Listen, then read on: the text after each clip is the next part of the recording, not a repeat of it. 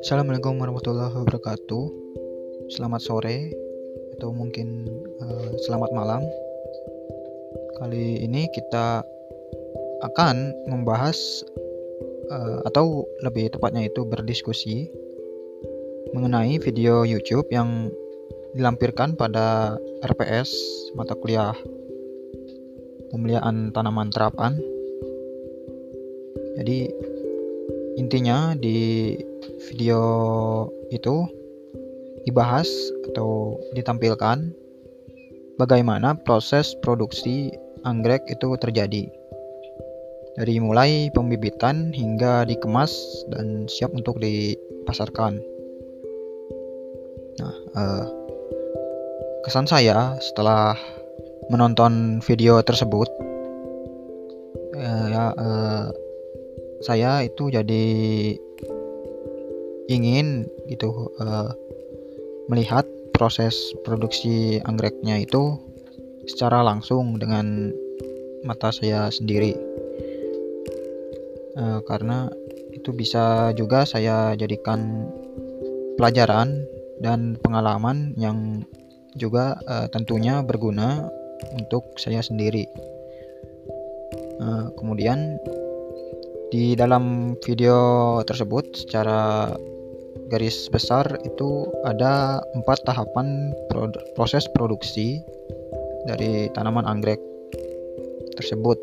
Uh, di antaranya itu ada proses pengembangan jenis tanaman anggreknya, kemudian proses produksinya, kemudian proses panen dan pasca panennya, dan proses pemasarannya.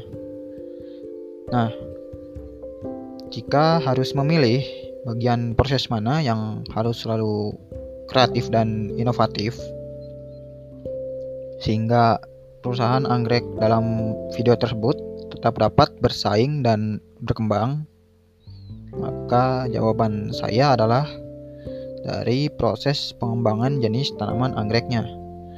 Nah, yang mana itu merupakan tugas seorang breeder atau pemelia. Nah, karena uh, simpelnya ya uh, pelanggan itu menurut saya akan lebih tertarik gitu jika melihat anggrek dengan jenis yang baru yang mungkin tidak ada di tempat lain. Ya, uh, tapi jujur saja, menurut saya itu tidak cuma proses pengembangan jenis anggreknya saja yang harus selalu kreatif dan inovatif. Menurut saya proses pemasarannya juga harus kreatif dan inovatif. Karena apa ya supaya lebih banyak orang gitu yang tahu dan berminat mungkin untuk membeli produk anggrek tersebut. Nah, mungkin cukup sekian diskusi kita kali ini. Uh, terima kasih telah mendengarkan dan selamat malam dan sampai jumpa di podcast lainnya. Wassalamualaikum warahmatullahi wabarakatuh.